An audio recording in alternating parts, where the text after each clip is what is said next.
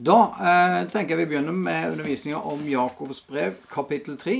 Det blir en litt annen måte, dette her. Eh, foreløpig så trives jeg best med å ha litt eh, folk eh, som kan se på, og som, er, som en eh, Ja, spiller litt på dette her med publikum og sånne ting. Så det blir jo veldig spennende å se. Men jeg bare begynner med en kort bønn, og så før vi begynner Kjære far, jeg bare takker deg for eh, at teknologien har kommet så langt at vi kan eh, benytte denne nå til å komme sammen om ditt ord, selv om situasjonen er sånn som den er. Jeg vil takke deg for at du er med også i kveld. Og jeg ber om at du skal hjelpe meg til å åpne Skriftene, til å undervise på en rett og sann, en god måte som kan eh, være med og gi mer lys og inspirasjon til å lese ditt ord. Og jeg ber, far, du skal være hos hver enkelt nå, sånn at din ånd kan tale og formidle dette på en god måte. I Jesu navn. Amen. Ja. Temaet som Jakob har her, det har jeg Eller det, i utgangspunktet så er eh, dette kapitlet delt i to. Eh, to deler. Men jeg har valgt også å dele det opp i eh, i noen tema. Nå skulle jo den ha Hadde det låst seg helt her nå?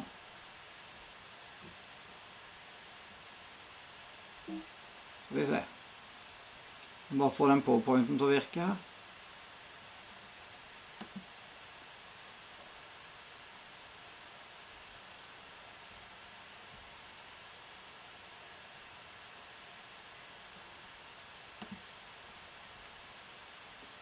Det.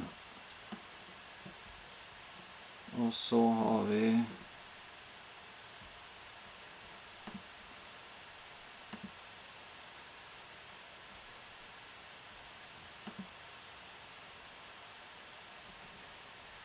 Der har vi.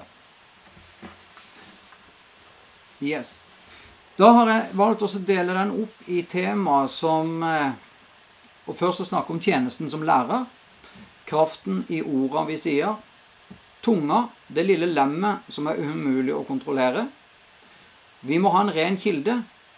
Og så har jeg valgt å dele opp dette med den jordiske visdommen og den himmelske visdommen som kommer ovenfra.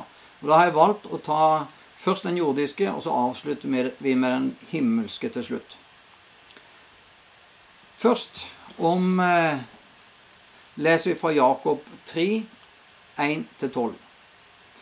Ikke mange av dere bør bli lærere, mine brødre, for dere vet at vi lærere skal få en mye strengere dom. Alle snubler vi ofte. Den som ikke snubler og feiler med det han sier, er fullkommen og i stand til å holde hele kroppen i tømme. Vi legger jo bissel i munnen på en hest for at den skal lystre oss, og da kan vi styre hele hesten. Ja, selv store skip som drives av sterke vinder, kan med et lite ror styres dit styrmannen vil. Slik er det også med tunga. Den er en liten kroppsdel, men kan skryte av sin store makt. Ja, en liten ild kan sette den største skog i brann. Også tunga er en ild, en verden av ondskap blant våre lemmer. Den smitter hele kroppen og setter livshjulet i brann, og selv blir den satt i brann av helvete.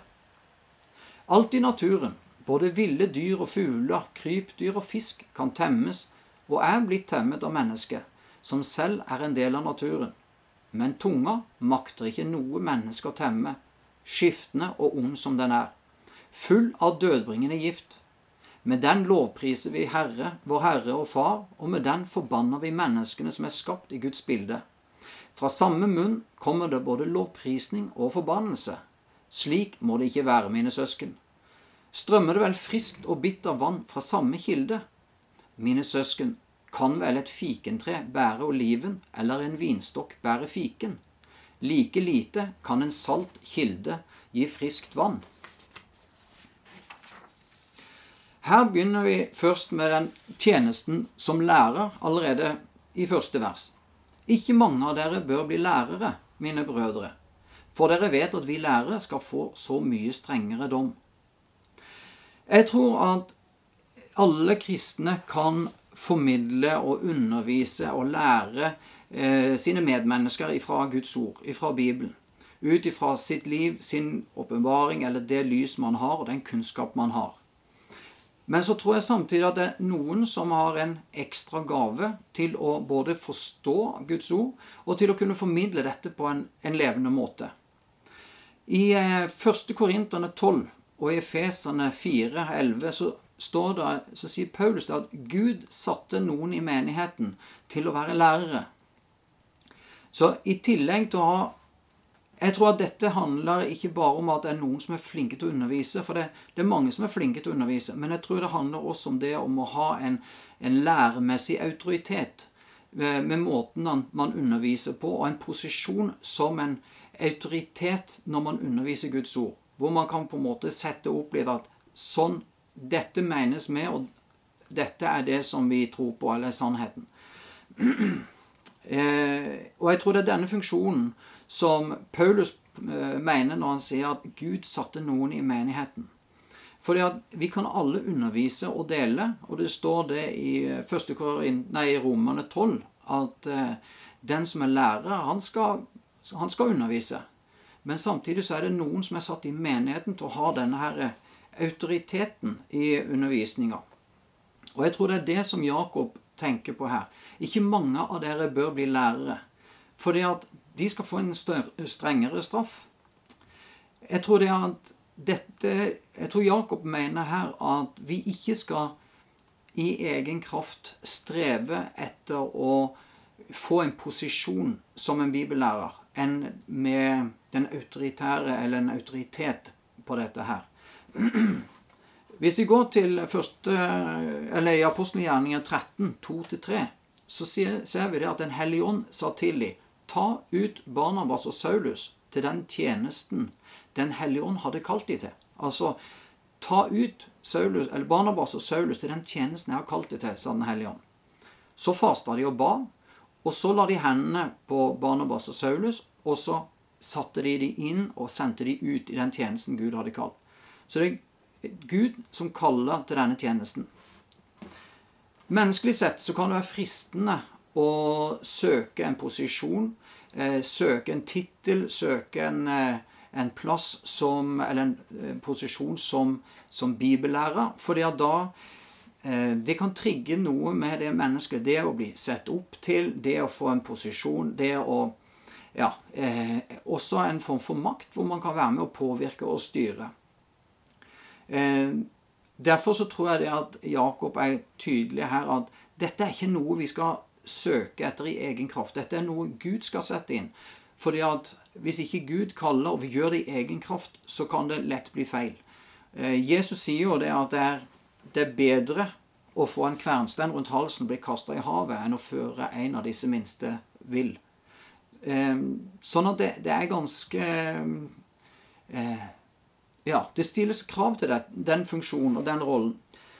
I tillegg så blir vi dømt ut ifra den kunnskapen og ut ifra det lyset vi har. Eh, hvis man ikke vet så mye, så blir man vurdert ut ifra det lyset man har. Men skal man være bibellærer, skal man ha en, denne funksjon og posisjon, så forventes det også at man skal studere mer, eh, jobbe mer med Guds ord. Men også, da blir det også stilt strengere krav til hvordan man lever. Lever man i henhold til den læren eller det man underviser?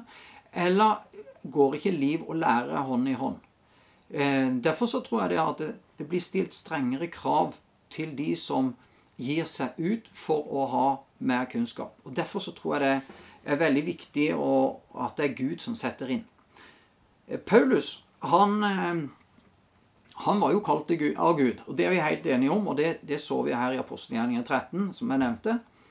Og når vi leser Galaterbrevet, så ser vi det at når Gud kalte Paulus, så dro han avsides. Han var i Arabia, og han var, han var vekke. Han studerte. Han, eh, han, hadde jo studert jødedommen og, og skriftene så inn, eh, ja, inngående og grundig at når Gud kalte han, og han fikk Den hellige ånd, så måtte han avsides. Det, det, på en måte, All den kunnskapen måtte kalibreres, sånn at han forsto hva evangeliet dreide seg om, og så sammenhengen med det gamle og det nye. Og etter en stund så står det i Galaterbrevet at han, han dro til Jerusalem For han ønska at søylene, at de som var kalt, de som var apostler der, skulle godkjenne undervisninga hans.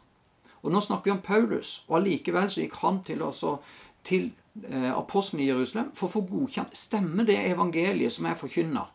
Er, er det rett? Er det sånn dere har forstått det? Og de tok hverandre i handa på dette her, og de anerkjente og godkjente dette her. Selv om Paulus sier at dette evangeliet som jeg forkynner, det har ikke jeg fått av noe menneske. Det er det Jesus sjøl som har gitt meg.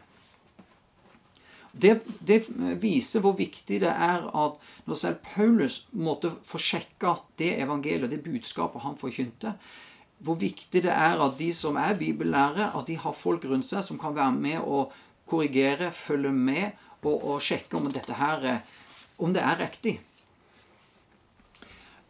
Paulus han var jo en apostel. Og i apostelfunksjonen, aposteltjenesten, så ligger også dette her med å være en lærer og kunne undervise. Og Gud bruker den læregaven for å få fram sitt ord, få fram eh, meninger og tankene med sitt ord. Hvis vi går til 1. Tessalonikerne 2,13 Derfor takker vi stadig Gud, for da dere fikk overlevert det Guds ord som vi forkynte for dere, tok dere imot det, ikke som menneskeord, men som det Guds ord det i sannhet er, og dette ordet er virksomt i dere som tror. Her forteller Paulus at når jeg var hos dere og underviste, når dere hørte meg underviste, så hørte dere ikke bare Paulus undervise, men dere tok imot det som det var Gud sjøl som talte. Altså, det, det, Vi overleverte det er Guds ord til dere. Og dere tok det imot ikke som menneskeord, men som det Guds ord i sannhet er. Her er Paulus veldig tydelig på at når han underviste, så var det ikke og det sier han et annet sted òg, at det er ikke med menneskelig visdom og mesterskap i talekunst osv. osv. Nei, det er Gud som taler igjennom og formidler det. Og det er jo sånn det bør være i dag òg. I tillegg så har jo alle et personlig ansvar for hvordan vi leser Guds ord, hvordan vi vurderer, hvordan vi hører. Samme budskapet kan mottas helt forskjellig av to forskjellige mennesker. Fordi at de har forskjellig bakgrunn, de har forskjellig livserfaring, de står forskjellig sted i modenhet, eh, og de har forskjellig kommer fra forskjellige eh, bibelske eh, tradisjoner. Derfor så vil de forstå samme budskap på forskjellige måter. Det står i Apostelgjerningen 17,11 at de fra Berøa, de var av et edlere sinn. Det står det at eh, de tok imot ordet. Og det, det, er litt interessant, for ofte så hører vi forkorta dette bibelverset gjengitt feil. De fra Berøa var et edlere sinn. De gikk daglig hjem og granska Skriftene for å se om det stemte. Men det er ikke hele verset. Jeg skal lese det nå. De tok imot ordet med all velvilje og granska Skriftene daglig for å se om alt stemte. Først tok de imot ordet med all velvilje, men så gikk de og granska. Så er det da, Hva var det som gjorde at de var et edlere sinn? Var det det at de granska, eller hørte med all velvilje? Eller at de kombinerte dette her? At de var åpne for den undervisninga som var. Ja, selv om jeg har hørt dette før, så kan det være noe til meg i dag. Kanskje Gud kan tale gjennom han, selv om han ikke er min favoritt, osv. Istedenfor å sitte og høre med kritisk ånd og tenke at ja, jeg er ikke enig i det der, og det skal jeg hjem og finne ut, og jeg skal bevise at det ikke stemmer. Da har man nå hørt og granske, men da har man ikke, men, da har man ikke den samme ånd som de fra Berøa. Så vi kan ikke legge skylda på de som underviser, for at vi ikke har kommet lenger. I Hebreerne 5 så står det etter tida skulle det vært lærere hele gjengen. Men siden dere er så trege å få det med dere, så må jeg igjen komme og gi dere melk, for dere er ikke i stand til å bære fast føde eller spise ordentlig mat. For fast føde det er for de som har kunnskap og forståelse om ordet om rettferdighet. Og her er det igjen han legger skylda, Forfatteren her, hebreeren her legger skylda på, eller ansvaret på de han skriver til, at dere skulle ha kommet mye lenger ut ifra det som dere har hørt. Her har de sjøl et ansvar til å ja, vi har alle et ansvar til å tilegne oss, til å spise sjøl, men også, som de sier, når du spiser fisk, så spiser du fisk, og så spytter du ut beina. At vi må sortere. Men det trenger vi også kunnskap om. Så det var det med, med lærer. Eh, det med å, å lære, eller være lærer. Så det, vil jeg snakke litt om kraften i orda, som vi sier. Ordet, det, et av de ordene som blir oversatt til ord, er det greske ordet 'logos', som betyr det skrevne ordet, eller det uttalte ordet. Men det kan også bety Guds ord, med hele betydningen og innholdet som det, som det har. Videre kan det bety den holdning og intensjon, eller hele ideologien som ligger bak orda. F.eks. når Johannes skriver i Johannes eh, evangeliet kapittel 1 I begynnelsen var Ordet, og Ordet var hos Gud, og Ordet var Gud. Da er dette Jesus. Det er på en måte Jesus Kristus med alt det han representerer, som er dette logos her. Og I Nytestamentet så er logos brukt 325 ganger. Det andre ordet, det er rema. Det er det uttalte ordet. Eh, det som er proklamert på en måte. Og rema er brukt 74 ganger i Nytestamentet. Nå er ikke temaet å gå dypere inn på dette her, men poenget er liksom bare å få, få litt på dette her med, med, ord. Gjennom hele Bibelen så ser vi at ord er veldig viktig. I begynnelsen så var det Gud sa, og det ble sånn.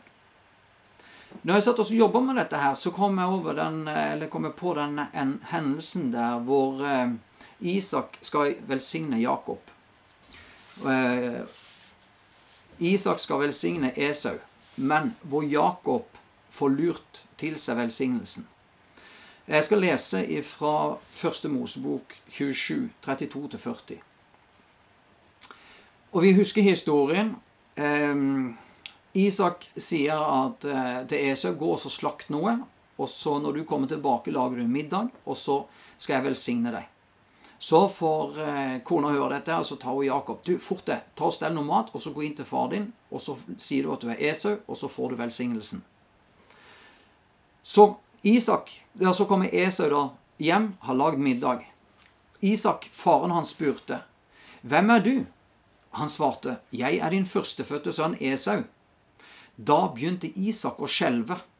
Han skalv voldsomt og sa, Hvem var det da som kom til meg med noe han hadde skutt? Jeg spiste av det før du kom, og så velsigna jeg ham, så nå er han velsigna. Da Esau hørte hva faren sa, satte han i et høyt skrik. Så sa han, Velsign meg også, far. Men han svarte, Din bror kom med svik og tok velsignelsen din. Da sa Jakob, Er det derfor han heter Jakob? Nå har han lurt meg to ganger. Han tok førstefødselsretten min, og nå har han tatt velsignelsen min også. Så sa han, Har du ikke en velsignelse til meg også? Isak svarte Esau, Nå har jeg sett ham til herre over deg, og alle brødrene hans har jeg gjort til tjenere for ham. Jeg har sørga for korn og ny vin til ham. Hva skal jeg da gjøre for deg, sønnen min? Far, har du bare én velsignelse? sa Esau. Velsign meg også, far og Esau gråt høyt. Da sa Isak til ham, Se, langt borte fra fruktbar jord skal du bo, der ingen dugg faller fra himmelen. Av sverd skal du leve, din bror skal du tjene, men når du river deg løs, skal du kaste åker hans av nakken. Jeg valgte å ta med hele den teksten. Den er litt lang, men når vi ser det at Isak forstår at han har velsigna feil sønn, så begynte han å skjelve. Han skalv voldsomt. Og når Esau skjønte at faren hadde at Jakob hadde lurt han og allerede fått velsignelsen, så satte han i et høyt skrik. Det forteller meg at de hadde en veldig forståelse, en sterk forståelse av hvor kraftfullt ordene var. Og I tillegg så sier, Jakob, nei, sier Isak her 'Jeg har sørga for korn og ny vin' til ham, altså til Jakob. Hvordan hadde han gjort det? Jo, med å tale ut velsignelsen. Han hadde sagt ut velsignelsen over Jakob, og det er det samme som at han hadde sørga for eh, korn og ny vin til ham. Videre så har vi historien om Balak og Biliam. Eh, helt kort, hvor Balak han eh, så at israelsfolket lå der, og så ville han ha Biliam til å komme og forbanne israelsfolk. Selv om ikke han var gudfryktig, så visste han det at hvis Biliam de han forbanna, de var forbanna. og de han velsigna, de var velsigna. Og eh, Balak han var så klar over dette med kraften i orda i velsignelsen at han brukte det rett og slett i krigføringen mot Israels folk. Og det, er, det, det, står, det står, der at han, eh, han velsigna Israels folk fire ganger. Så Balak han ble jo håper jeg, han ble jo eitrende, for å si det på godt norsk. For det var jo ikke det han ville. Men det kan dere lese om i 4. Mosebok 22-24. Hvis vi går til ordspråkene, ordspråkene 18, vers 20-21, så står det En manns mage skal bli metta ved hans munns frukt, og han skal bli metta av grøden av sine lepper. Død og liv er i tungens makt, og de som elsker den, skal spise dens frukt. I en oversettelse står det at de som bruker den flittig, skal ete dens frukt. Her står det at vi skal høste av det vi så med munn. Det skal slå tilbake på livet våre. Og jeg tar med oversettelsen i The Good News Bible. Den sier, det har jeg oversatt det, at vi må leve med konsekvensene av alt vi sier. Det du sier, kan bevare liv eller ødelegge det. Så du må akseptere konsekvensene av dine ord. Dette forteller meg at orda er, vi taler ut, ikke er likegyldig. Det er kraft i dem. Det er å gi liv eller ta liv, til å bygge opp eller rive ned. Og jeg tror vi i moderne samfunnet vi har mista noe av forståelsen av kraften i orda. Før i tida så kunne du si ja, du har mitt ord på det. Men i dag så holder ikke det. I dag så må vi ha skriftlige kontrakter, og det, det er så vidt det holder. Man eh, eh, annullerer kontrakter osv. osv.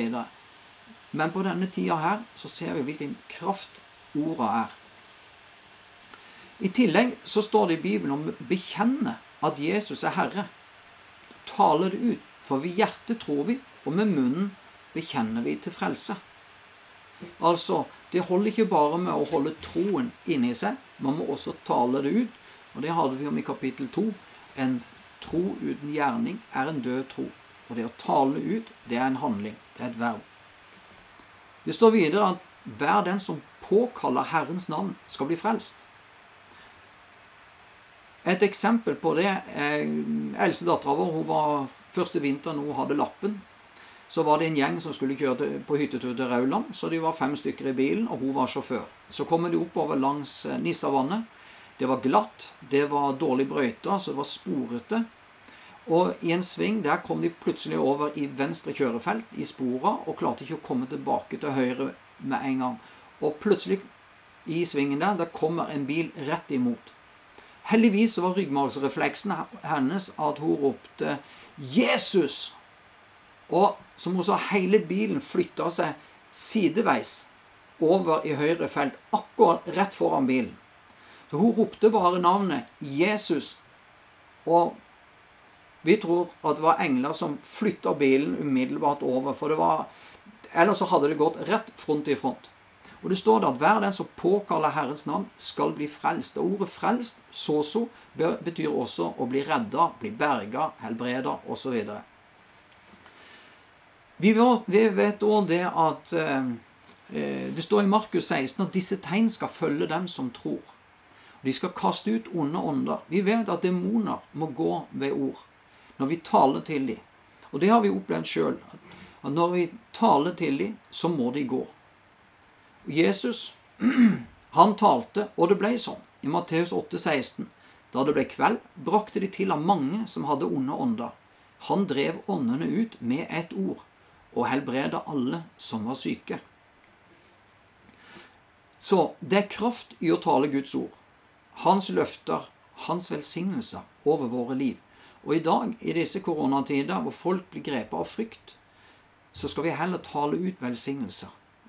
Tale ut Guds løfter over våre liv, istedenfor å sitte og så ja, krisemaksimere det og snakke det negativt.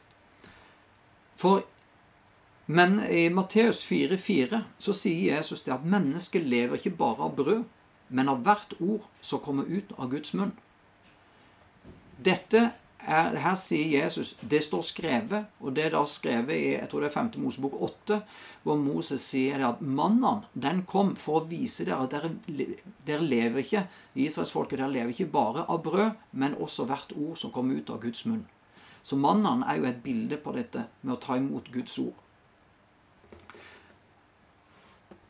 Og det er Guds ord, Guds skrevne ord, som Jesus uttalte når han stoppa Satan, når han ble frista. Og det viser meg at Guds ord, selv om det er skrevet for mange hundre år siden, så likevel så har det en kraft. For det er levende og virksomt en dag i dag. Og når vi taler ut Guds ord i tro, så har det kraft. Så går vi videre til tunga. Det lille lemmet som er umulig å kontrollere. Jakob 3, vers 2 og 8. Alle snubler vi ofte. Den som ikke snubler og feiler med det han sier, er fullkommen og i stand til å holde hele kroppen i tømme. Vers 8. Men tunga makter ikke noe menneske å temme, skiftende og ond som den er, full av dødbringende gift. Disse to versene her sier tydelig hvor vanskelig det er å styre tunga. Og den som klarer å ha kontroll over tunga, han er fullkommen. Eh, og det ordet 'fullkommen' på gresk er det 'teleios', som betyr å oppnå den høyeste grad av modenhet og moralsk standard.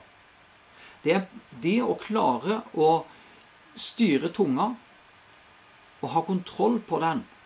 den det vil bevise at vi har den høyeste grad av modenhet og moralsk kontroll. Eh, Jakob bruker eksempelet med hesten og bisselet. Hesten er mye større og sterkere enn oss mennesker. Men når vi får trent den, får satt inn bisselet, så vil vi klare å styre hesten den veien han går. Fordi at hesten er lagd sånn at hodet går først, og så kommer kroppen etter. Så en hest klarer, hvis hesten ligger på sida, så klarer ikke den å reise seg opp før han først løfter opp hodet, og så reiser seg. Går hodet til høyre, så vil kroppen følge etter.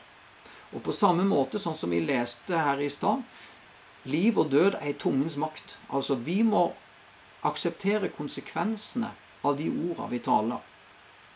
Og her bruker eh, Jakob hesten og bisselet som et eksempel. I tillegg så bruker han dette med skip og ror.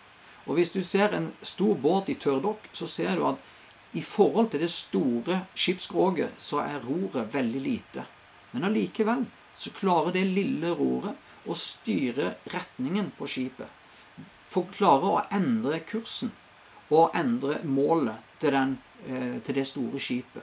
Og Sånn er det også med tunga. Tunga kan være med å tale ut liv, velsignelse eller tale ut forbannelser. Og som det sto, vi må akseptere konsekvensene av de ordene vi taler. I Romerne 12,1 så sier Paulus derfor formaner jeg dere ved Guds barmhjertighetssøsken. Bær kroppen fram som et levende og hellig offer til glede for Gud. Det skal være deres åndelige gudstjeneste. Og tunga er en del av kroppen. Så klarer vi å også overgi tunga til Gud. Og hvordan kan vi gjøre det? Med å gi fra oss kontrollen tunga, på tunga? Jo, det gjør vi bl.a. når vi ber i tunger. Når vi taler i tunga, så har vi gitt kontrollen av tunga over til Den hellige ånd. Ja, vi setter den i gang sjøl, men vi har ikke den kontrollen. Det er Den hellige ånd som styrer den. Og så er det jo bare sånn kort Det er flere forskjellige typer tungetale. Du har den, det personlige bønnespråket, eller du har budskap i tunger. I tillegg så er det mulig å synge i, i ånden, eller synge i tunger, osv. Men jeg skal ikke gå videre inn på det, for det er å, det er eh, en annen undervisning. Så har jeg valgt å ta Jakob 3, 5-6 ifra The Message. Et ord som du taler ut, kan virke ubetydelig, men det kan utrette nesten hva som helst, eller ødelegge det. Husk, det trengs bare én gnist til å starte en skogbrann. Et uforsiktig eller feilplassert ord ut av munnen din kan gjøre det samme. Med vår tale kan vi ødelegge verden, gjøre harmoni til kaos, ødelegge et rykte, sende hele verden opp i røyk og gå opp i røyk med den. Røyk rett fra helvetes avgrunn. I 2008 så eh, var det noe som skjedde oppe i Froland, oppe i Mykland, for oss som er lokalkjente. Det som blir kalt for Frolandsbrannen. Det var en som drev med en skogsmaskin, og så var det en gnist fra skogsmaskinen som antente skogen. Og den skogbrannen er den største enkeltbrannen vi har i norsk moderne historie. Da jeg kom inn i Sivilforsvaret i 2013, så har vi, fikk vi høre om Frolandsbrannen. Og Frolandsbrannen den tror jeg er blitt nevnt på alle de kurser jeg har vært på i Sivilforsvaret, som den store, store brannen som krevde masse innsats, masse styrke, og som varte lenge. Jakob bruker skogbrann her som et eksempel på, eller et bilde på sladder, rykte, det å spre holdninger, spre egne meninger, skape partier, negativitet osv. Alt negativt som lett sprer seg. Det er, når jeg gikk på befalsskolen, så så vi det at informasjon, beskjedene, de kom ikke alltid like fort fram som rykte. Så det var noen som fant ut sette ut et rykte om at vi skal møtes klokka, eller at det er oppstilling da og da. Og da kom det gjerne fortere fram. Så det var en litt sånn artig måte å snu på dette her på. Men og det, en skogbrann den kan kreve stor innsats for å få kontroll. Og De verste eksemplene som i nyere tid de er jo fra Australia. Her i januar begynnelsen av februar så fikk de slokka de siste skogbrannene der etter åtte måneder. Og det var en intens innsats i åtte måneder for å stoppe dette her. Og vi vet at en skogbrann den kan ødelegge veldig mye. Den ødelegger, brenner ned det man har bygd opp over lang tid. Kanskje over år. Det kan være gårdsbruk, det kan være hytter, det kan være eh, skog som er planta, osv. osv. Det kan ødelegge store verdier og legge området øde. Dette er på en måte metaforer for det å ødelegge enkeltmenneskers liv og rykte. Eller grupper. Eller menighet. Eller TV-kanal. Eller hva det er for noe. Så kan et ord ødelegge. Man kan begå karakterdrap med å fortelle feil, med å spre løgn eller sladder. Men det kan også være sant, men det er ikke nødvendig å si det. Ting som man har brukt mye tid på å ødelegge, bygge opp, kan bli fort ødelagt. Det at ting blir lagt øde, det kan òg være et bilde på at man blir utstøtt fra det gode selskap. Venner slutter å komme på besøk. Man blir ensom pga. sladder, pga. rykte osv. I menighetssammenheng så har vi kanskje en litt mer raffinert måte å gjøre det på. Der pakker vi det litt mer inn i eh, fint silkepapir eller åndelig papir, i en åndelig innpakning, hvor man kan si Du, har du hørt at sånn og sånn har gjort sånn og sånn? Eller har du fått med deg det? Vi må be for dem.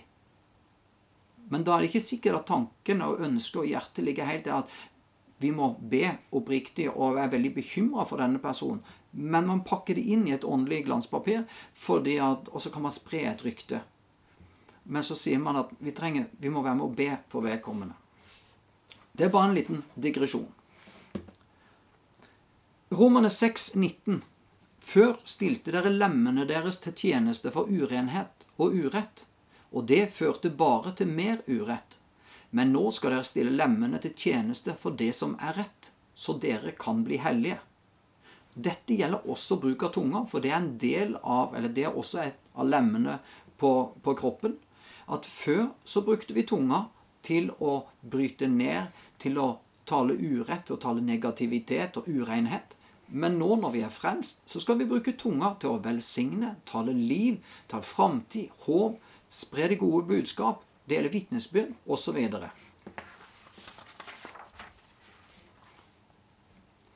Neste tema. Vi må ha en ren kilde. Jakob 3, 9-12.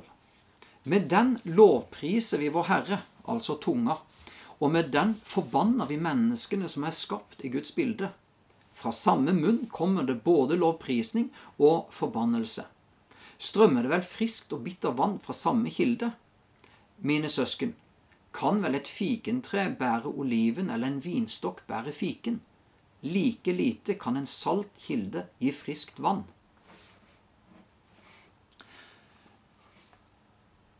Her sier han at vi kan ikke Er vi eh, Ja, jeg kan da lese hva Jesus sier for Matteus 15,11 først.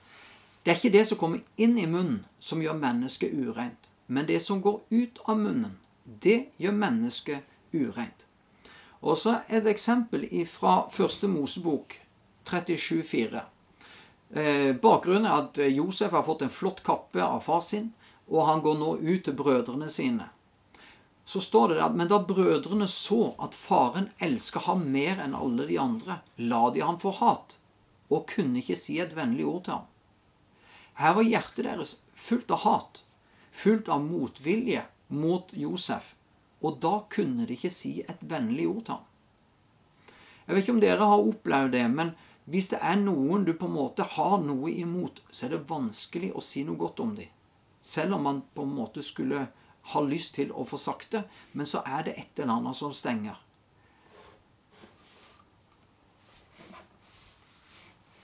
Tunga og orda, eller orda og, og måten vi snakker på, tonefallet vi bruker, og intensjonen bak det vi sier, det avslører hvor hjertet vårt er. Hvor er det vi står hen i forhold til Gud? Dette viser også orda og holdningene, eller måten vi snakker på. Det viser også eh, hvor langt vi på en måte er kommet i helliggjørelsen. Og hvor stor del av vår sjel som er under kontroll av vår ånd. Det var en, eh, en bibellærer som jeg hørte han fortalte det, at eh, han hadde tatt med ei nyfrelst opp på plattformen på talerstolen og skulle dele vitnesbyrdet sitt. Og hun, når hun sto der og og delte det, så eh, var hun nyfrelst og kom, var vant til å banne masse. Så hun delte vitnesbyrdet sitt samtidig som det kom masse banneord i vitnesbyrdet. Og folk eh, begynte jo å, Noen begynte å smile, og noen eh, reagerte på andre måter. Så hun skjønte liksom Hva er det, eller, hva er det som skjer? Så venter hun seg etter han bibelæreren, som så sier hun Har jeg sagt noe galt? Nei, ikke i det hele tatt. Bare fortsett du. Det her går helt fint. Og så etterpå så var det folk som kom til han og sa det. Åssen kunne du slippe ei opp på talerstolen som driver og banner sånn?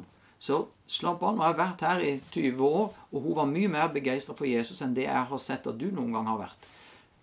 Men det med språkbruken, det vil forandre seg. Hun var nyfødt som kristen. Men det er klart, hvis hun fortsetter å banne etter 15 år som kristen, så er det et eller annet galt. Derfor så har vi en modning, vi har en helliggjørelse. Vi vokser som kristne. Og det vil også gi seg utslag på språkbruken vår, og hvordan vi taler, og hva vi snakker om.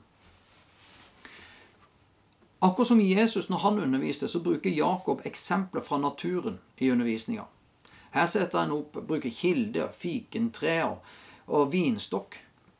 En kilde kan ikke ta, gi både saltvann og ferskvann samtidig. Enten er det en saltvannskilde, eller så er det en ferskvannskilde. På samme måte, så hvis det vokser fiken på treet, så er det et fikentre. Så enkelt. For på, treet, for, nei, på frukten skal treet kjennes. På samme måte, det som kommer ut av munnen vår, avslører hvor hjertet er. Kommer det negativitet og forbannelse? Og når jeg sier forbannelse, så mener jeg ikke bare banneord, men det at man taler negativt. Åh, alltid skal du gjøre sånn. De kan ikke forvente noe mer av deg. Aldri kan du klare å få til, osv. Dette er forbannelser. Da taler man ut negativitet. Eller kommer det oppmuntrende ord, velsignende ord, gode ord. Og Da ser man hvor er hjertet hen. Det var en som spurte meg en gang hva kommer ut hvis du presser en appelsin. Og jeg svarte jo appelsinsaft. Nei, sa han. Det som er inni. Og det viser jo at når mennesker er i en pressa situasjon, hvordan snakker man da? Hvordan responderer man da? Det er en god indikasjon på hvor langt man har kommet. For Jesus sier i Matteus 12, 34 at det hjertet er fylt av, det taler munnen. Orda avslører hva som bor i hjertet. Og det er dessverre også en del kristne som etter tida skulle ha vært kommet en del lenger, men når de kommer sammen, så kan det lett komme vitser som er på kanten og over kanten osv. Jeg bare sier kanskje vi skal tenke litt på det. Men kan vi klare å overgi tunga til Gud, sånn at det, den kan bli brukt til en velsignelse for det som er rett, så blir vi mer Eller når det skjer, så er vi fullkomne i tale, vi også. I 2. Mosebok 15, 23-25 altså, Det blir jo noen bibelvers her, men det er jo tross alt bibelundervisning. Dypdykk. I 2. Mosebok 15, 23-25 så står det når israelsfolket kom Røde, gjennom Rødehavet, og de kom i ørken, så ble de tørste, og så kom de til Mara. Der var vannet bittert, det, så de ikke kunne drikke det. Så står det det at Så sa, viste Gud Moses at der var det et tre. Så sier Gud, Moses, ta kast dette treet ut i vannet. Og Moses gjorde det, og da ble vannet ferskt, sånn at de kunne drikke det. Det er et bilde, Dette er et bilde som kan brukes på at eh, har vi bitterhet osv. Men kommer vi til korset Treet er et bilde på korset.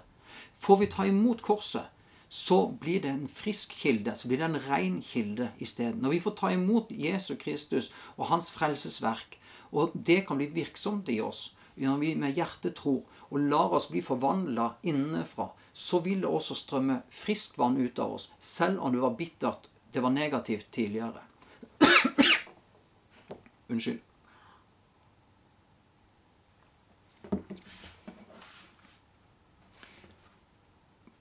Og da, da, kommer denne forandringen innenfra. Det er ikke noe vi krampaktig tar oss til, men det er Ånden som forandrer oss innenfra. Og det blir jo en del av de åndelige fruktene. De kommer vi tilbake til litt seinere. Den jordiske visdommen. Jakob 3, 14-16. Men bærer dere bitter misunnelse og selvhevdelse i hjertet, da må dere ikke skryte og lyve mot sannheten. Den slags visdom kommer ikke ovenfra, men er jordisk og sjelelig, ja, demonisk. For hvor misunnelse og selvhevdelse rår, der er det uorden og alt som er ondt. I Amplified så står det der i, vers 16 at eh, for uansett der hvor det er sjalusi, misunnelse og strid med rivalisering og e-, egoistiske ambisjoner, vil det også være forvirring, uro, disharmoni, opprør og alle slags ondskapsfulle og usle gjerninger. Selvhevdelse det er eritea på gresk. Og det kan oversettes med intriger. Det å sette seg sjøl foran de andre. Noen opplever sånne ting på arbeidsplassen. At det er noen med spisse albuer. Noen arbeidsplasser har en klar eh, karrierestige. Og eh, jeg vet av erfaring når jeg og min bror skulle krangle om hvem som skulle høyest opp i stigen osv. Den som hadde overtaket, den kunne lett bare tråkke litt på fingeren til den som kom etter. Og så, ja, så var det mindre konkurranse etter det, for å si det sånn. Og dette er på en måte ting som vi opplever i hverdagen. Noen opplever det på skolen. Intriger, det er klikker, det er osv. Det er sverting osv. Idretten. Det kan være på sosiale medier, ikke minst. Men ellers sånn i samfunnet. Har vi det sånn i menigheten? Det at man setter folk opp imot hverandre, at det er intriger osv. osv. Og så tenkte jeg litt på det med realityshow. Altså, vi har mange realityshow. Alt ifra disse her som man jeg eh, håper å si, lettkledde på, på strender og paradisplasser osv. osv. Men, eh, men jeg tenkte òg på 71 grader nord, eh, Farmen osv. Det handler om å Selvfølgelig det er en konkurranse og det er et spill, men samtidig så er det intriger det der man setter eh, folk opp imot hverandre og allianser osv. Dette er jo noe som Paulus advarer mot i menigheten. Partivesen osv. Misunnelse og selvhevdelse kommer fra et hjerte som ikke ydmyker seg overfor Gud. For det er noe av dette her med at vi må omvende oss, vi må ydmyke oss, vi må ha Jesus til Herre. Har vi oss sjøl som Herre i våre liv, så kommer vi med albuer og skal prøve å komme fram sjøl. I Jesaja 5,21 ved dem som er vise i egne øyne og kloke i egne tanker. Hm. Her sier han at vi skal ikke prøve å håper si, være vise i egen kraft. Det som Vi ser det at i samfunnet òg, kommer tilbake til det, at samfunnet de har én form for vis, visdom, mens Bibelen har en helt annen. Ordspråkene 3.7.: Vær ikke vis i egne øyne. Frykt Herren og vend deg bort ifra det onde. Altså, vi skal ikke prøve å følge det som vi sjøl oppfatter som rett, så lenge det går på, dersom det går på bekostning av Guds ord, eller går på tvers av Guds ord. Ordspråkene 28,6.: Den som stoler på sitt eget vett, er en dåre. Den som vandrer med visdom, blir berga. Og da er det den guddommelige visdommen. Jeg har satt opp en, en oversikt her, hvor jeg setter sammen det, det verden sier, og det himmelen sier. verden sier hevn. Men Bibelen, himmelen, sier du skal tilgi. Og der ser vi ofte eh, Se på nyhetene. Å, jeg håper Jeg er så bitter. Jeg håper det skal bli hevn. Og jeg håper at blir, de blir, får en ordentlig fengselsstraff osv. osv. Jeg kommer aldri til å tilgi. Men så Det er ikke sånn man, kommer, man blir fri. Men Bibelen sier vi skal tilgi. Eh, verden sier du må tenke på deg sjøl. Du må sørge for deg sjøl. Bibelen sier 'sett de andre høyere enn deg sjøl'. Og når Jesus kom på banen, så sier han 'du har hørt at du skal hate dine fiender', men jeg sier du skal elske dine fiender. Du skal be for de for, som forfølger deg. Og et sted så du at du skal velsigne de som urettmessig utnytter deg. Det er ganske kontroversielt. Det er noe helt annet enn denne verdens visdom. Verden sier du må spare, du må sikre deg, osv., osv. Bibelen sier 'gi, så skal du få'. Godt stappa, rusta og godt pressa mål skal du få. Verden sier 'du må realisere deg sjøl'. Bibelen sier 'du må korsfeste deg sjøl'. Den som søker å finne sitt liv, den skal tape det. Men den som slipper sitt liv, den som gir avkall på sitt liv, han skal finne det. Verden sier du må være herre i eget liv. Du må jo styre, du må jo ta autoritet, du skal skape ditt liv, du skal ha oss som videre og så videre. Men Bibelen sier vi skal ha Jesus som herre i våre liv. Det er en helt annen, en helt annen visdom. De bibelske prinsipper som fungerer i Guds rike, er helt annerledes enn det som fungerer i verden. Det står bl.a. det at en, en samla, men han fikk aldri nok. En annen ga, men han mangla ingenting. Det er bibelske prinsipper. I Filippene 2, 2-5 ha samme sinnelag og samme kjærlighet. Vær ett i sinn. Gjør ikke noe av selvhevdelse og tom ærgjerrighet, men vær ydmyke og sett de andre høyere enn dere selv. Tenk ikke bare på deres eget beste, men også på de andres. La samme sinnelag være i dere som også var i Kristus Jesus. Og så her ser vi at samme sinnelag som var i Jesus Kristus, hvordan var det? Jo, det var et ydmykt, det var et tjenende sinnelag. Han som var verdens herre, og han hadde autoritet og all makt. og Allikevel så bøyde han seg ned og vaska føttene på disiplene. Han, han er eh, I verden så er det liksom Ja, jeg er sjef, jeg er leder. Men Jesus sier den som vil være stor blant dere, han skal være alles tjener. Jesus det står det at han eh, så det ikke som et røvet gods med å gi avkall på det, det hellige, det store, for å bli et menneske sånn som oss. Han kom ned og tok på seg en tjenerskikkelse for å gå hele veien til korset og ta den straffen som vi fortjente, for så å bli løfta opp og eh, sitte nå ved tronen. Men han var nede, og han tjente med, eksempel, med sitt eksempel, eller sitt liv som eksempel. I Galaterne 2, nei 5, 22-26 her kommer åndens frukter, og de kjenner vi, men allikevel, jeg leser de. Men åndens frukt er kjærlighet, glede, fred, overbærenhet, vennlighet, godhet, trofasthet, ydmykhet og selvbeherskelse. Slike ting rammes ikke av loven. De som hører Kristus til, har korsfesta kjøttet med dets lidenskaper og begjær. Lever vi ved Ånden, så la oss også vandre i Ånden. La oss ikke være drevet av tom ærgjerrighet så vi utfordrer og misunner hverandre. Her sier Paulus, akkurat som Jakob, at det er ikke bra, det er ikke sunt. Vi må komme oss videre. Og at vi, vi som tror, vi har korsfesta kjødet med dets lidenskap og begjær. Altså, har vi det, eller har vi ikke? Så står det om å ta daglig opp vårt kors. Men dette sier litt om hvor vi er hen. Når Jesus ber den ypperste prestelige bønn, eller Johannes 17, fra vers 11 og, vers 11 og 20 til 23, så vil jeg bare lese deg. Hellige Far, bevar dem i ditt navn, det navnet du har gitt meg, så de kan være ett, slik som vi er ett. Jeg ber ikke bare for dem, men også for dem som gjennom deres ord kommer til tro på meg, må de alle være ett, slik du, Far, er i meg og jeg i deg. Slik skal også de være i oss, for at verden skal tro at du har sendt meg. Den herligheten du har gitt meg, har jeg gitt dem, for at de skal være ett, slik vi er ett. Jeg i dem og du i meg, så de helt og fullt kan være ett. Da skal verden skjønne at du har sendt meg, og at du elsker dem, slik du har elska meg. Her tror jeg Jesus snakker ikke så mye om det som vi tenker som med enhet og fellesskap og samarbeid og økumenetikk osv.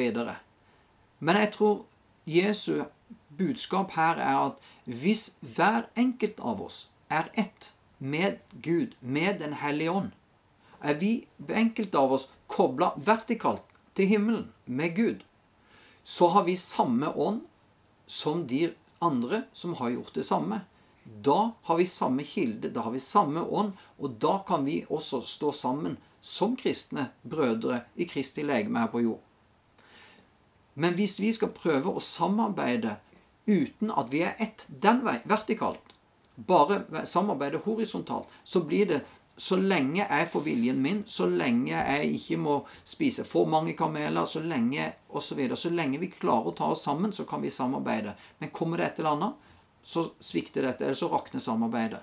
Men hvis vi er kobla opp og er ett med Gud, ett med Den hellige ånd, sånn som Jesus var ett, som da er målet, og vi er jo ikke kommet dit Men hvis, er, hvis vi jobber først med den vertikale parallelt, men at vi har det som fokus, å være ett med Han For det er åndens frukt. Det er ikke vår egen frukt. Det er kjødets gjerning.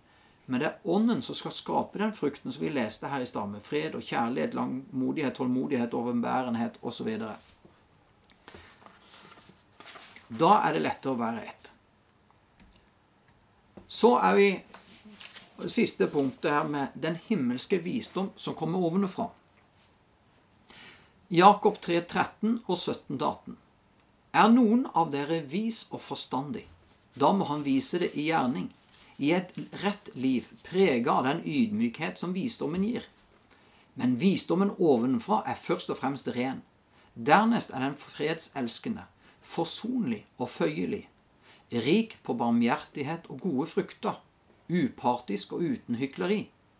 Og rettferdigheten er en frukt som blir sådd i fred og vokser fram for dem som skaper fred.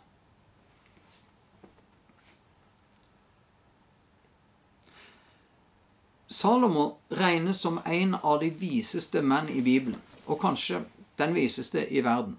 I hvert fall når han skulle lede landet osv. Så, så vet vi at han var ikke fullt så vis når det, når det gjaldt å sette grenser for konene sine, og hva slags avgudsdyrking de fikk lov til og ikke fikk lov til, osv. Men det er noe annet. Men Gud sa til, eh, til Salomo Ønsk deg hva du vil, og så skal du få det.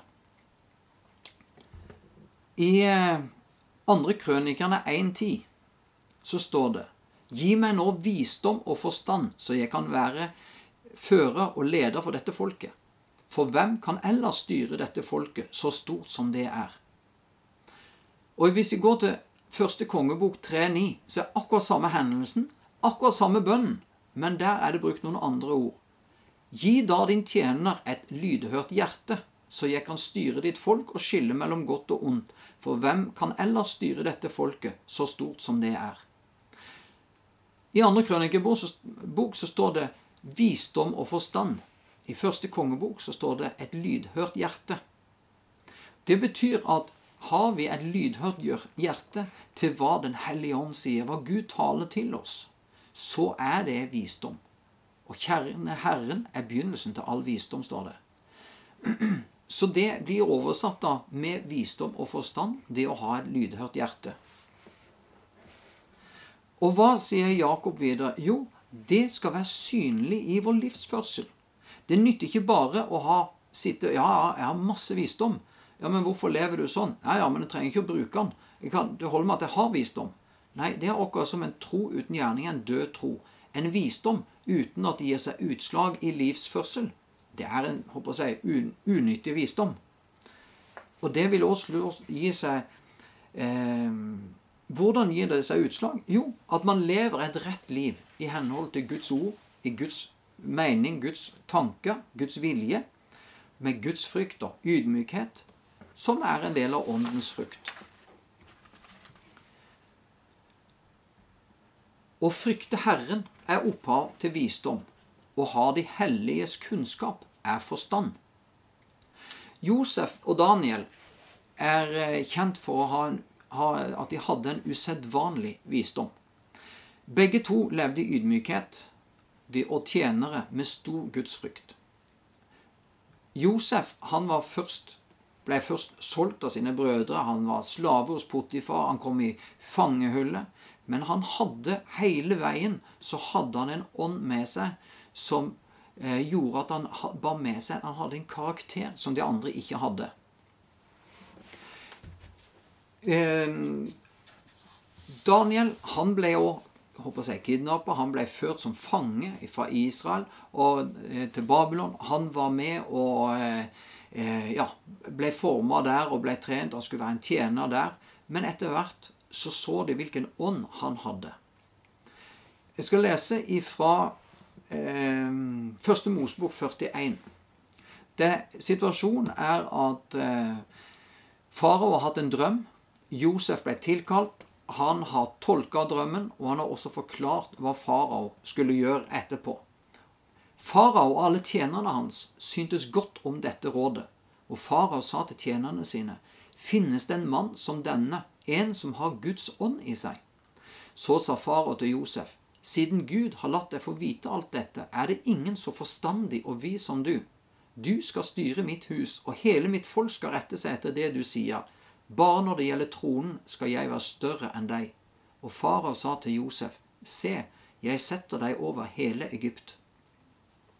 Til og med farao og de folkene rundt ham skjønte det at han hadde Guds ånd i seg. Han hadde den visdommen fra Gud, for det var Gud som viste han det. For det sa jo Josef. Det er ikke meg, men det er Gud som viser meg dette her. For han har en hensikt med det. Men de anerkjente den visdommen, og de anerkjente den ånden Josef hadde, fordi de hadde òg sannsynligvis hørt rykter. Og Potifar, han lot jo eh, Josef få styre alt. Det står, det står kun brødet sitt skulle han ha kontroll på sjøl, i tillegg til kona. Men kun brødet. Alt det andre, det hadde han satt Josef til å eh, råde over. I Daniel 6,4 så står det at eh, eh, Daraios hadde satt Han ville sette satrapene over, eh, og så ville han ha noen ministre som tre ministre som skulle styre over hele, eller over satrapen igjen og styre over hele riket. Så ville han sette Daniel over de to andre satrapene. Da står det Daniel utmerka seg fremfor de andre ministrene og satrapene, for det var en usedvanlig ånd i ham, og kongen tenkte på å sette han over hele riket. Her òg Darius han anerkjente den ånden som var i Daniel, sånn at han ville sette han òg over hele riket. Og husk, Både Josef og Daniel de var egentlig slaver. Men Guds ånd virka sånn i dem, og de var ydmyke. De hadde en gudsfrykt som gjorde at folka anerkjente dem, så de ble satt over, over hele rikene. Men nå var det jo riktignok dette her som førte til at eh, de andre de ble misunnelige og, satte opp ei felle for han, sånn at etter hvert så kom han i løvehulen osv. Men Gud var med han også der. Jakob 3, 18 skulle det stått. Ikke 8, men 3, 18. Det er det siste verset her. Og jeg syns i Amplified så forklarer den enda litt tydeligere. Og, rettferdighetens høst, nei, og rettferdighetens høst blir i samsvar med Guds vilje i både tanke og gjerning, og er frukt av det frøet som er sådd i fred. Sådd av dem som jobber for fred og skaper fred, både i seg selv og i andre. Denne freden innebærer enighet, enhet og harmoni mellom mennesker, med fred i et fredfullt sinn, fritt for frykt og provoserende holdninger og moralske konflikter. I ordspråkene så er visdom nevnt 31 ganger, og visdommen 13 ganger. Altså 44 ganger til sammen. Og her står det mange råd hvordan vi skal leve sammen.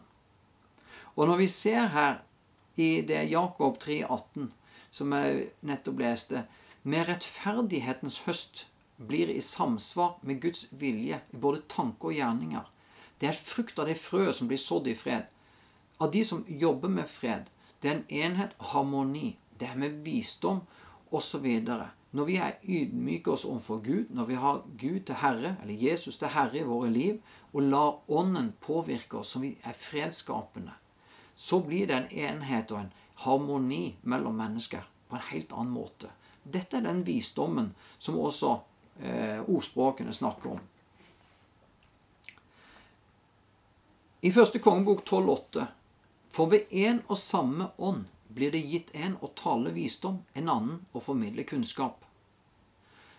Dette er en av nådegavene, som, eller de åndelige gavene, som Paulus refererer til, eller nevner i 1. Korinterne 12, i vers 8. For med én og samme ånd blir det gitt én å tale visdom.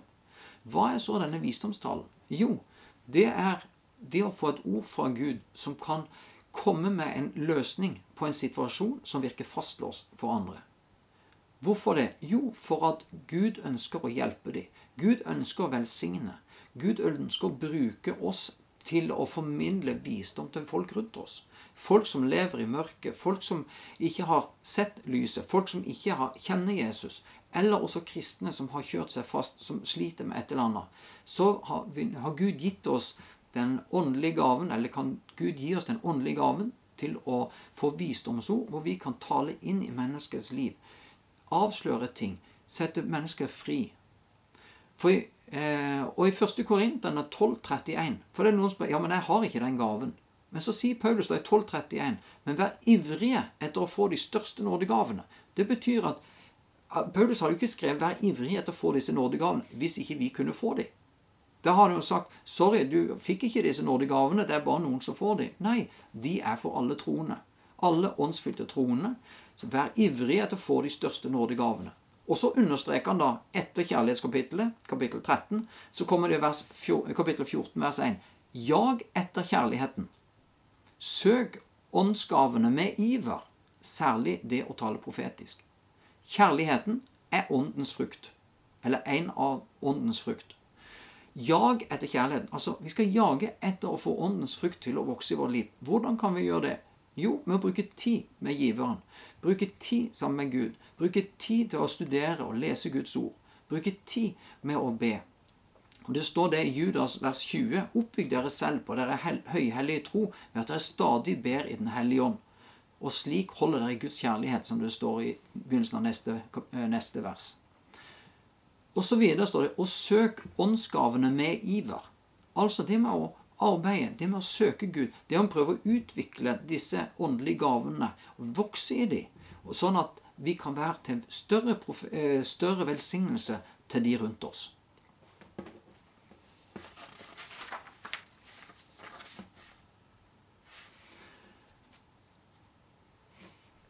I tillegg så står det i Jakob 1,5.: Om noen blant dere Dette var det vel Knut som eh, underviste om når han hadde kapittel 1. Om noen blant dere mangler visdom, så skal han be til Gud, som villig og uten å bebreide gir til alle, og alle skal få.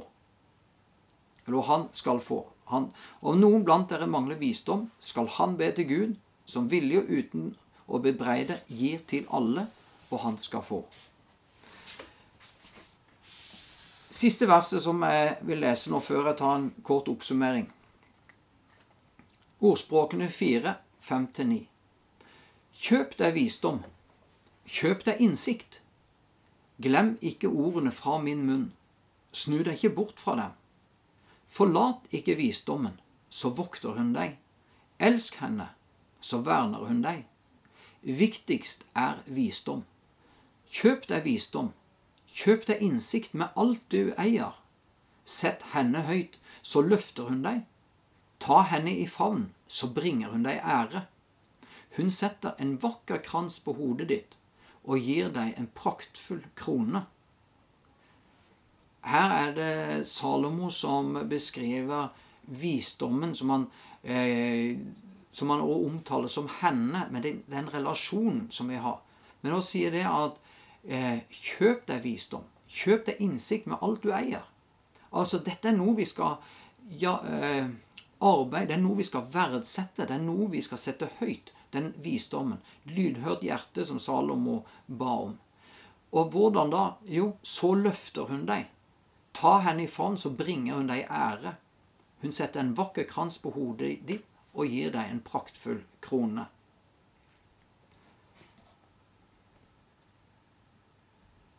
Så har jeg bare en liten sånn oppsummering fra et eh, stort kapittel og mange temaer. Man bør ikke gjøre seg sjøl til selvoppnevnt lærer, i og med at det stiller større krav til de som underviser andre i bibelske sannheter. Dette er noe Gud kaller til. Samtidig er det viktig å vite at alle kan undervise andre i Guds ord. Men det er den funksjonen som med læremessig autoritet som man ikke skal streve etter. Det andre vi snakker om, det var orda vi taler ut, har mye større kraft enn det vi i det moderne samfunnet tenker over. Både på den positive og negative sida. Tunga er vanskelig, ja kanskje umulig, å kontrollere sjøl. Den, den kan spre velsignelser og gode ord, men kan også gjøre stor ødeleggelse. Derfor må vi overgi den nå til Gud ved at vi korsfester kjødet og ikler oss Kristus og lever etter ånden og ikke etter kjødet. Når sjelen kan, eller når vi tillater ånden å påvirke oss og underordne oss sjelen under ånden, sånn at ånden kan påvirke oss mer og mer, så vil vi bli forvandla innenfra.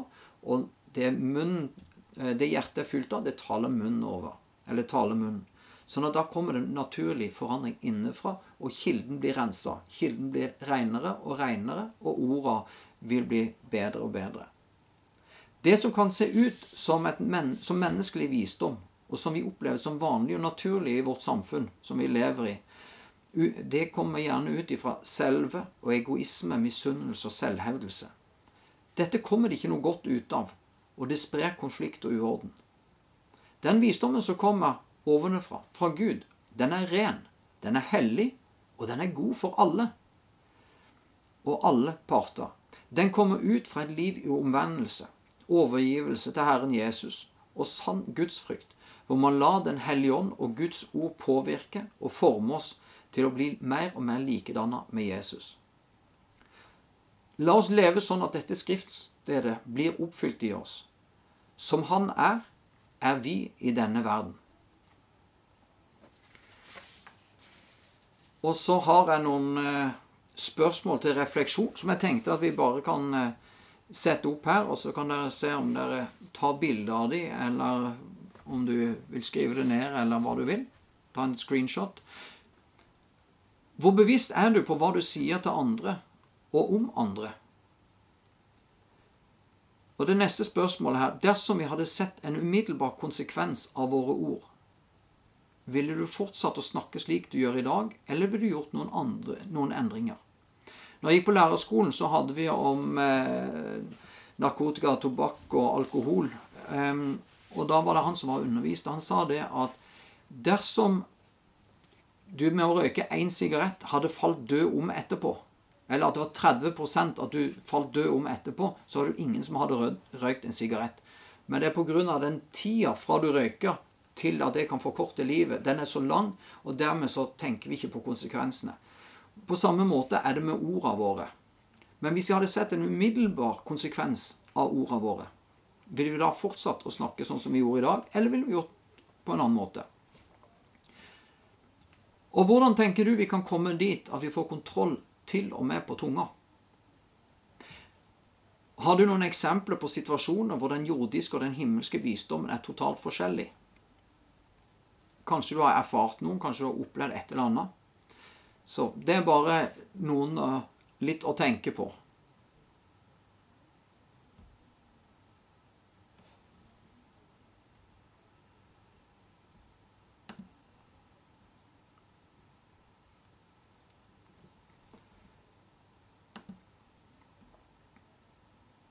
Yes. Da er, da er jeg ferdig med undervisninga, og eh, tenker bare ta en kort bønn før vi eventuelt åpner opp for spørsmål. Kjære far, jeg bare ber om at eh, det som er blitt talt nå, skal være til eh, liv og oppbyggelse. At det skal være ja, til glede og bære frukt. Men er det noe jeg har sagt som er av mitt eget, som ikke er etter din vilje, så bare ber jeg om at det skal bare falle dødt og ikke få noen påvirkning på noen som helst måte. Men jeg bare takker deg for ditt, ditt ord, som er eh, sant, som er virksomt og er levekraftig, far. Og jeg ber om at dette skal være med å skape en eh, større glede å, å lese ditt ord og ta til seg av de skatter som ligger gjemt der. Velsign hver enkelt som har hørt på i dag. I Jesu navn. Amen.